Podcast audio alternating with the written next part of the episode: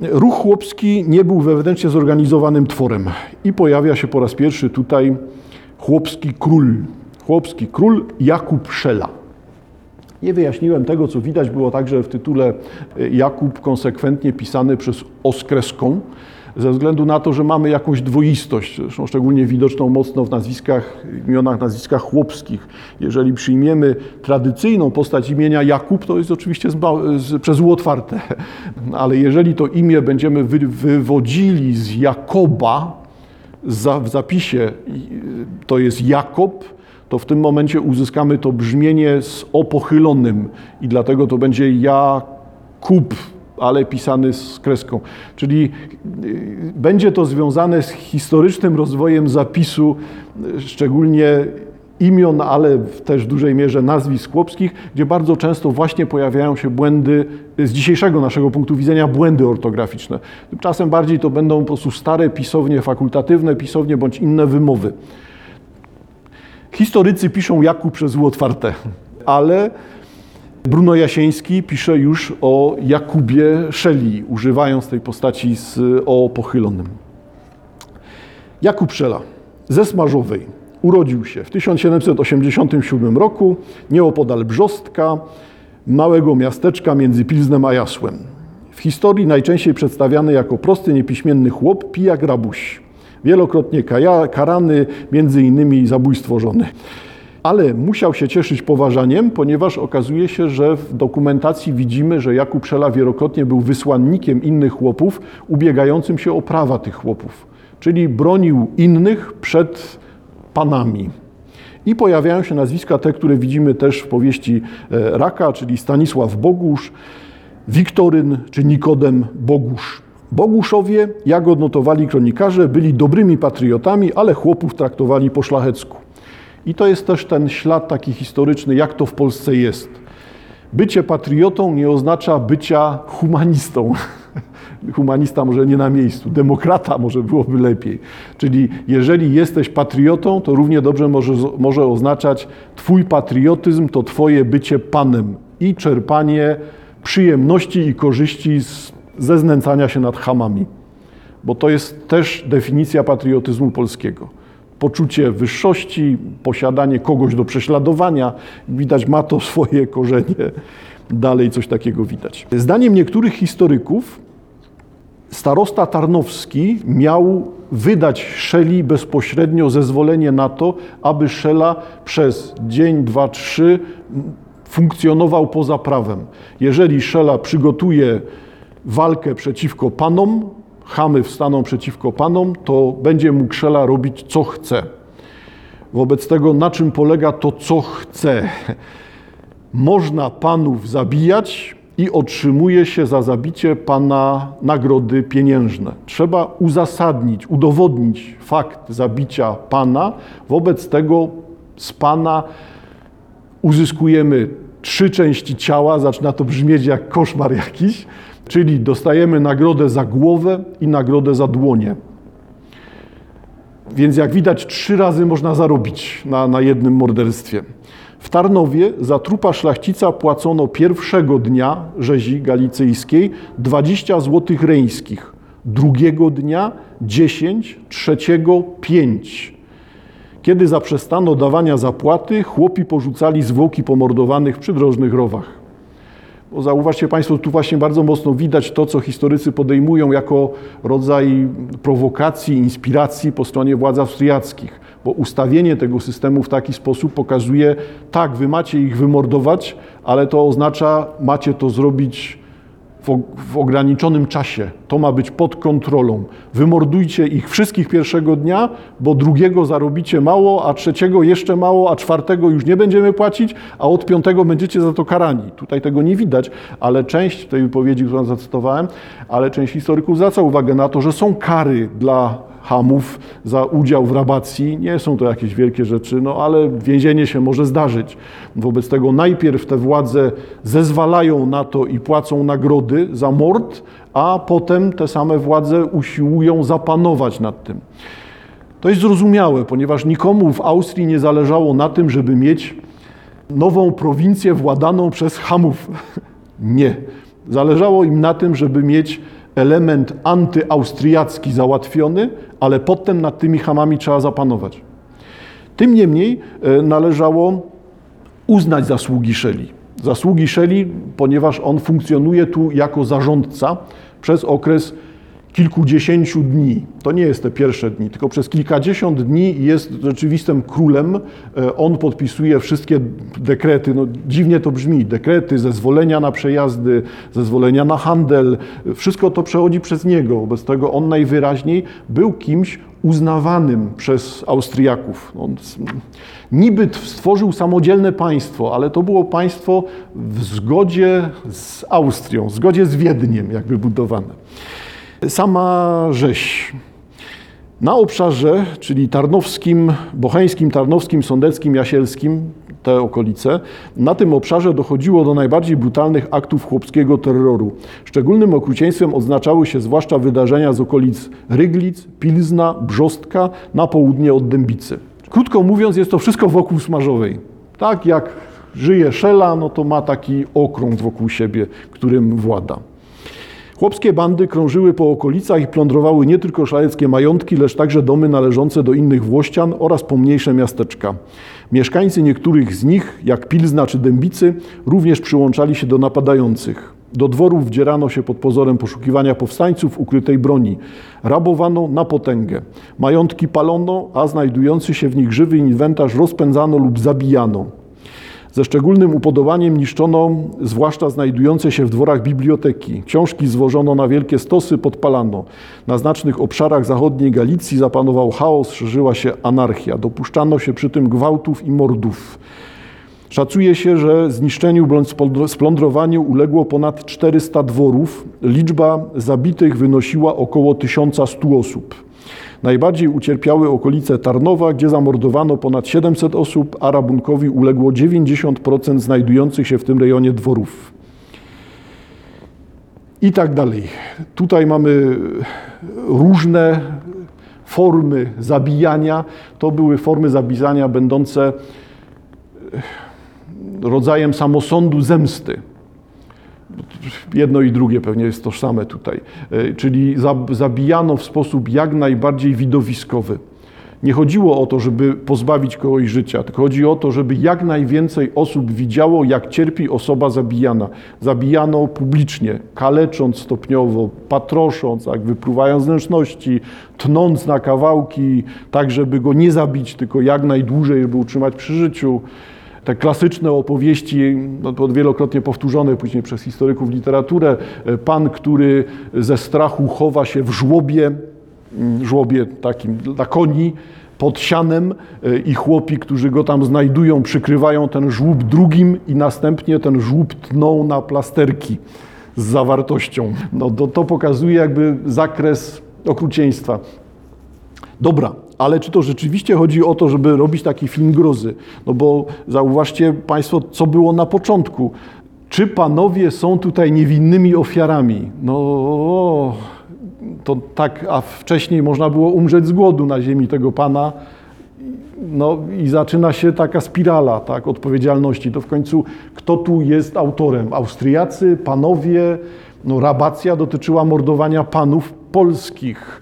No ale ci panowie polscy wywołali nienawiść, no, nienawiść swoim patriotyzmem, nienawiść Austriaków, no ale system pańszczyźniany, który polega na tym, że chłop musi pracować, to też jest po stronie Pana, ponieważ to Pan mówi, czy chłop ma pracować dzień, czy pięć, czy siedem dni, ma odrabiać w tygodniu i Pana może nie obchodzić, co ten chłop ma na swojej ziemi sobie zrobić, żeby mieć coś do jedzenia może uznać, że chłop musi pracować na jego ziemi, a jak skończy pracować na ziemi pańskiej, pójdzie na swoją, tylko tam już nic nie będzie mógł zrobić, tak, bo będzie na przykład po przymrozkach. To, to, to okazuje się, że jesteśmy w takiej sytuacji paranoicznej. Rzeczywiście w tych złych rozwiązaniach pańszczyźnianych e, prowadziło to do tego typu nadużyć, że chłopi mogli sobie umierać z głodu, z nędzy, byle ziemia pańska była obrobiona i przynosiła dochód panu.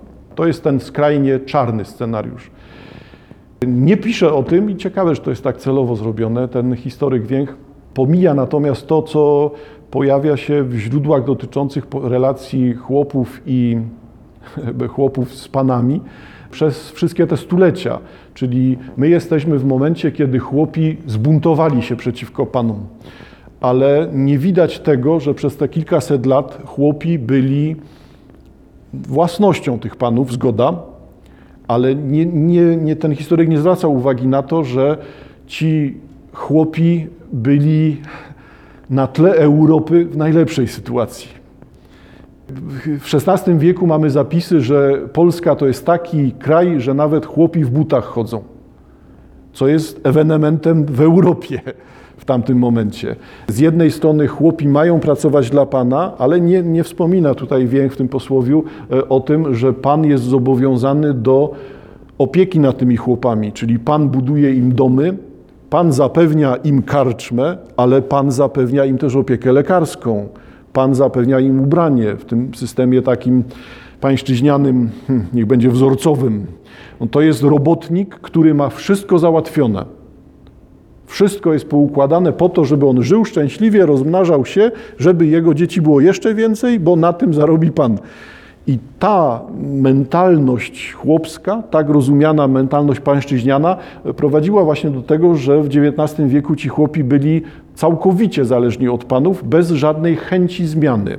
Bo wszystko ma dać im pan, a jak nie daje, to oznacza, że pan jest zły, bo wcześniej dawał. Wcześniej to się żyło, a teraz nie. No ale w rzeczywistości system był taki sam. To dlaczego wcześniej było tak dobrze chłopom, a potem było tak źle chłopom? bo panowie byli źli. Sprawa zaczyna się wyraźnie plątać. To, to nie jest taka prosta rzecz, że system pańszczyźniany jest zły. Prowadzi do złych efektów ewidentnie. Nad, nad, jest, nad, jest to system, w którym jest duża możliwość nadużyć, które były. No ale jednocześnie chłopi pozostawieni sami, sami sobie już w tym XIX wieku nie mają żadnej chęci żeby się z tego stanu wyzwolić. Oni po prostu chcą żyć tak, żeby nie pracować, wypić, zjeść. No, obrażam ich teraz, bo to tak bardzo jaskrawo wychodzi, że to takie, na takie negatywne, ale o tej mentalności pańszczyźnianej można do dzisiejszego dnia mówić, że ta mentalność pańszczyźniana polega na tym, to ma być za mnie zrobione, to ma być dla mnie. I te ślady takiej mentalności pańszczyźnianej rzeczywiście do dzisiaj w Polsce funkcjonują. Wobec tego historia jest też tematem u raka, czyli rak, no, ponieważ jest to opowieść o Jakubie Szeli, no to rak będzie zajmował się pisaniem o historii. Tylko tyle, że od razu będziemy widzieli, coś nie gra. Rak pisze o historii w taki sposób, jakby od razu poddała wątpliwość wszystko to, o czym pisze. Powiadają, że w tamtych dniach do dworu w siedliskach przyjeżdżało niemało szlachetnych panów. Polacy knuli podobno przeciwko jego miłości kajzerowi i szykowali insurekcję. Miała wybuchnąć najpierw w Warszawie, a potem we wszystkich ziemiach dawnej Rzeczypospolitej. Kiedy Kuba, czyli nasz Jakub Szela, w młodości. Kiedy Kuba e, chadzał zrywać owoce tarninin dzikiej róży, podglądał nieraz z ukrycia zajeżdżające do dworu powozy. Obcy państwo zostawali w siedliskach na długie dnie. Dworska służba prawiła, że dużo jedli, tęgo pili, bardzo czymś rozochoceni. Kubie niezbyt się te jaśnie pańskie radości widziały, bo gdy się dziedzice cieszą, to rzadko wynika z tego coś dobrego dla chłopów. I teraz zauważcie Państwo, co tu się dzieje. Raz, że końcówka prowadzi to zawsze do uogólnień. Czyli pisze rak o historii, ale historię czyta jako zbiór pewnych wskazań, jakby wyciąga z tego wnioski i te wnioski tutaj są wpisywane. Jak się dziedzice cieszą, to rzadko wynika z tego coś dobrego dla chłopów. To oznacza jednocześnie każdy pomysł, który dla panów jest dobry, jest pomysłem złym dla chłopów. Każdy, każde dobro dla panów jest krzywdą chłopów. No więc będziemy mieli od razu motor widoczny. Jeżeli Pan mówi, idziemy walczyć za Polskę, to chłop od razu myśli, skoro to Pan powiedział, nie należy tego robić, bo będzie to z moją krzywdą. I od razu w narracji widać tutaj wniosek, komentarz do historii. Niby jest historia, ale nie historia obiektywna, tylko historia będąca opowieścią. Najczęstsza konstrukcja zdania w tej powieści Raka jest taka jak na początku. Powiadają, że w tamtych dniach do dworu w siedliskach przyjeżdżało.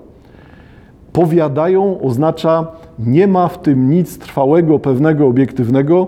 Jest to coś, co ja gdzieś słyszałem, ktoś coś powiedział, innemu powiedział, inny to przekazał. Ja to tak niby wiem, ale w zasadzie nie mam zielonego pojęcia, czy tak było, czy nie było. I to jest opowieść, to jest ten wspólny mianownik całej powieści Raka. Tak było, tak nie było. Może Szela był sadystą i oprawcą, ale może Szela był pokrzywdzonym przez los człowiekiem, który usiłował nad mordami zapanować, a nie je wywołać. I nagle jest inna opowieść. A na dodatek jeszcze, ja o fabule powiem najmniej, bo zresztą też, ale to od razu ujawnię, że ta książka Raka dotyczy rabacji na kilku stronach. Cała reszta to są wydarzenia będące rozbudowaną biografią Jakuba Szeli z wplot, wplecionymi w to wątkami takimi baśniowymi, fantastycznymi, wręcz takimi magiczno-religijnymi dziwnie, a większość, i to jest większość tekstu, plus historie miłosne w tym dziejące się, a sam moment rabacji, trudno oszacować mi teraz, 10 stron całej tej powieści i to rozrzuconych na, na rozdziałach kilku. Stąd, jak widać, to nie o tym. To nie jest opowieść o krwawym mścicielu. W ten sposób to nie brzmi. Historia będzie tutaj wobec tego tematem widocznym. Tylko tyle, że ta historia będzie tematem przekształcanym wielokrotnie. Co mam tutaj na myśli? Wypowiedź jednej z postaci. Zrobimy jak mówi e, Urubina, będącego Żydem swoją drogą, Urubina Klokopfa. Tego roku jedna dziewka skręciła kark. Czegoś tam po jej śmierci nie dopilnowali i przez kwartał jeszcze chodziła i straszyła.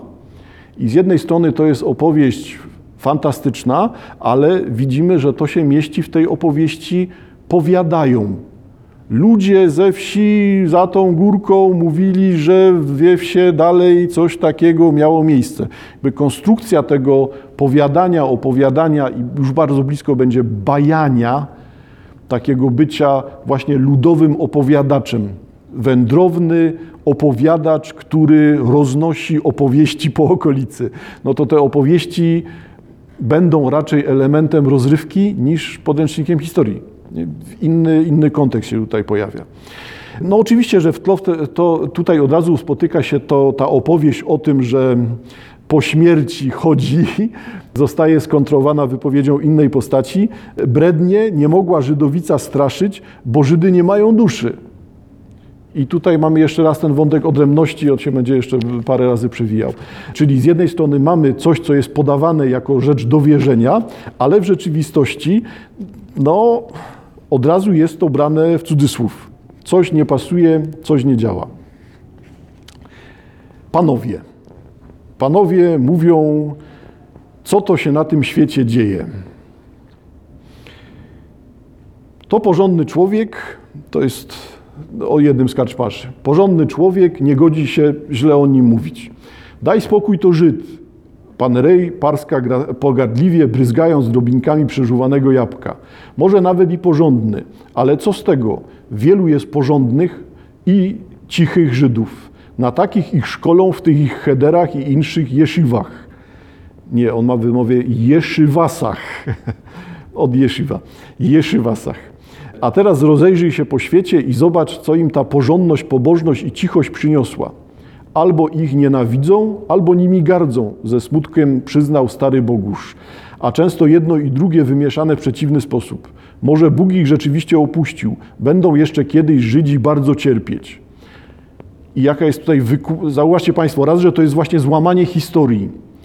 Jeżeli to ma być opowieść Raka o rabacji, to nie może być tutaj sądem postaci może Bóg ich rzeczywiście opuścił, będą jeszcze kiedyś Żydzi bardzo cierpieć, bo ten punkt widzenia jest dobry 100 lat później, kiedy ujawnia się historia i ujawnia się Holokaust. I Holokaust staje się wydarzeniem historycznym, a tu jesteśmy 100 lat wcześniej zapowiedź tego wydarzenia pokazuje, że my jesteśmy w świecie całkowicie współczesnym, że to nie jest książka historyczna, to nie jest książka o tym, jak wyglądała rabacja galicyjska, tylko jest to książka napisana ze współczesnego punktu widzenia, z ujawnianiem tego, całe to powiadają, całe to bajanie, całe to opowiadanie jest robione wstecz. To jest współczesny autor, który wciela się w tego wędrownego bajarza sprzed 100 lat, tylko ten wędrowny bajarz sprzed 100 lat ma wtedy wiedzę współczesną. I tu wielokrotnie tego typu rozwiązania będą. To nie jest autentyzm tej książki, tylko jest to rodzaj komentarza do współczesności i do tego, co było przed 180, 180 laty, patrząc z tego punktu widzenia. No ale dalej, dlaczego to jest tak zrobione? Dlatego, że Rakowi najwyraźniej zależy na tym, aby podkreślać, jak się, tak jak się chamy z panami wadziły w połowie XIX wieku, to tak samo się wadzą w połowie XX wieku i tak wadziły w połowie XX i tak samo się wadzą dzisiaj. Czyli mamy tutaj coś, co jest próbą opisywania niezmiennych procesów. No i wracamy. Jak już Dominik Gray, jedna z postaci, Ray pisany przez Y jeszcze, jako ta właśnie rodzina, jak się już dowiedział, że Żydzi będą kiedyś cierpieć od swojego rozmówcy, no to puentuje, czy wyciąga wniosek. Lepiej oni niż my. I to jest ten wniosek znowu taki na wskroś polski, bo to, to jakby to wyjaśnia, nie? że my jako Polacy mamy to podejście do Żydów właśnie takie, Żydzi to nie Polacy, Polacy nie Żydzi, to są odrębne społeczności, odrębne grupy, czemu mamy im współczuć, oni to nie my, po co mamy im pomagać, niech se sami radzą. Jakby bardzo wiele razy widać ten, ten sposób myślenia. Lepiej oni niż my. Dominik Gray wzrusza ramionami. Lepiej bić niż być bitym. I to jest kolejny ten moment polskiego sposobu myślenia. Bo albo ty trzymasz ich za mordy, e, innych za mordy, albo to oni trzymają ciebie. Tertium non datur. Widać tak deus vulcit. Tak Trze trzeciego wyjścia nie ma i tak Bóg lubi. Deus vulcit. Tak się podobało Bogu. O, może tak. Dlatego nie ma co popuszczać cugli Hamowi, ani litować się nad Żydem. Pierwszy skopie cię jak narowista szkapa, drugi sprzeda jak Judasz, bo Judasz też przecież był Żyd. Jakbym ja był Panem Jezusem, to na miły Bóg nie brałbym sobie Żydów do kompanii. Tutaj bardzo wyraźnie stylistycznie ujawnia się szyderstwo i to szyderstwo współczesne, bo ten sąd mógł być dla przedstawiciela pana, panów polskich w połowie XIX wieku sądem naiwnie obiektywnym, czyli on mógł wywodzić się z jego doświadczenia. Tylko tyle, że z naszego punktu widzenia jest to pewien sąd ujawniający stereotyp, bezwład, no błąd w tym sposobie myślenia. No bo przecież to jest paradoks, tak? To jest ten, ta myśl wielokrotnie przeze mnie podejmowana. Przecież Matka Boska była blondynką i mówiła po polsku, bo jakby mogła inaczej skoro jest królową, to nie może inaczej. To tu mamy to samo. Jakby był Panem Jezusem, to nie brałbym sobie Żydów do kompanii. Nie przebija się to, że inaczej się nie dało. No ale wyraźnie wobec tego widać e, refleksję, która jest e, świadomością historyczną. Świadomością historyczną tych relacji, które się tutaj mocno ujawniają, czy mocno są obecne. Ciekawą rzeczą jest tutaj spotkanie głównego bohatera z, z Józefem Dittlem. Józef Dittl, jedna z postaci najbardziej zasłużonych dla miasta Krakowa, a tutaj spotkanie, tak uciekam trochę od imienia, bo, bo tu się będą dziwne rzeczy działy z nazwiskami w powieści Raka, szczególnie głównych bohaterów. Józef e, Dittl e, rozmawia wobec tego z jedną z głównych postaci. To czemu żeś sam na wojnę do Warszawy nie poszedł, skoroś taki patriota? Naburbuszył się Nikodem. To ta główna postać. A cóż nas może Warszawa obchodzić? Warszawa to brudny wrzód, więcej tam ma do powiedzenia Żyd, Niemiec i Ruski niż prawdziwy Polak. Niech się więc w Warszawie dzieje co chce. Prawdziwa Polska to folwark, konik i szabla. W Warszawie Polak udusi się i zgnije, a jakby mi rewolucja pod oknami wybuchła, jakby to się działo w mojej Galilei, wariantowa nazwa Galicji, Galilea, Galilei, e, to o, szedłbym w bój pierwszy. Szablą Polski nie odbierzecie, rzekł Dietl, e, ani dziś, ani za sto lat. Polski orzeł postarzał się i osiwiał, przyszły orły czarne od młodości i go pobiły. Zwykła rzecz w naturze, że silny bije słabego z tej tylko przyczyny, że może. Tak było kiedyś i z narodem mego ojca. Ale spójrz teraz, cały dom Habsburgów Czechami stoi. Na dziesięciu urzędników monarchii bodaj siedmiu to Czesi, a siłą Habsburgów nie jest miecz jak u Prusa, ani batok jak u Moskala. Siłą Habsburgów jest urząd i prawo i dlatego Kaisera lud szczerze kocha, a króla i cara lękają się i nienawidzą. Ramieniem zaś prawa jesteśmy my, Czesi. W obecnych czasach tylko taką drogę macie przed sobą panowie Polacy. Ba, żachnął się Dominik, ale bez przekonania. Jeśli ją, Dietl dalej, jeśli ją nie pójdziecie, to wasz kraj zaczną tworzyć inni. I teraz właśnie widać tą, tą no dla mnie urok narracji prowadzonej przez e, Radka Raka, bo to, co teraz usłyszymy, będzie e, bajdurzeniem o przyszłości, tylko dla nas całkowicie rozpoznawalnym bajdurzeniem wobec tego. E, to wasz kraj zaczną tworzyć inni. Przyjdzie jakiś Pol, Staw, Lesman albo Lem, może z polszczy nazwisko, a może nie. Swoją drogą ciekawie przemycił, że Lem pisany przez LE samo HM to pewnie Żyd. No tak nie do końca. Może z polszczy nazwisko, a może nie. I napiszę wam kulturę, napiszę wam historię, napiszę wam Polskę, bo sami nie potraficie, boście dzieci krnomne i głupie. Zobaczycie, jeszcze Krakowem rządzić będzie nie żaden czartoryski, tylko Czech. A jak wam już tę nową Polskę stworzą Niemcy, Czesi i Żydzi, to będziecie o nich uczyć dzieci w szkołach, że to byli wielcy Polacy.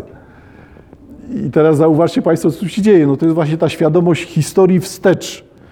Oni niby w tej narracji opowiadają o tym, co się ma wydarzyć, ale dla nas jest to rodzaj ukrytego żartu jakiejś no, próby wskazania, demaskacji, komentarza.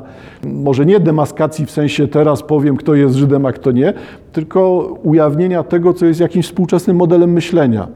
Też jakąś fobią oczywiście, tak, że tam Polską rządzą Żydzi, raczej fobia, taki, taki wytwór tylko, ale zauważcie Państwo, że będziecie o nich uczyć dzieci w szkołach, że to byli wielcy Polacy. Tak, tylko paradoksem jest to, że w Polsce nie uczy się o Żydach jako o Żydach, tylko uczy się jako o Polakach.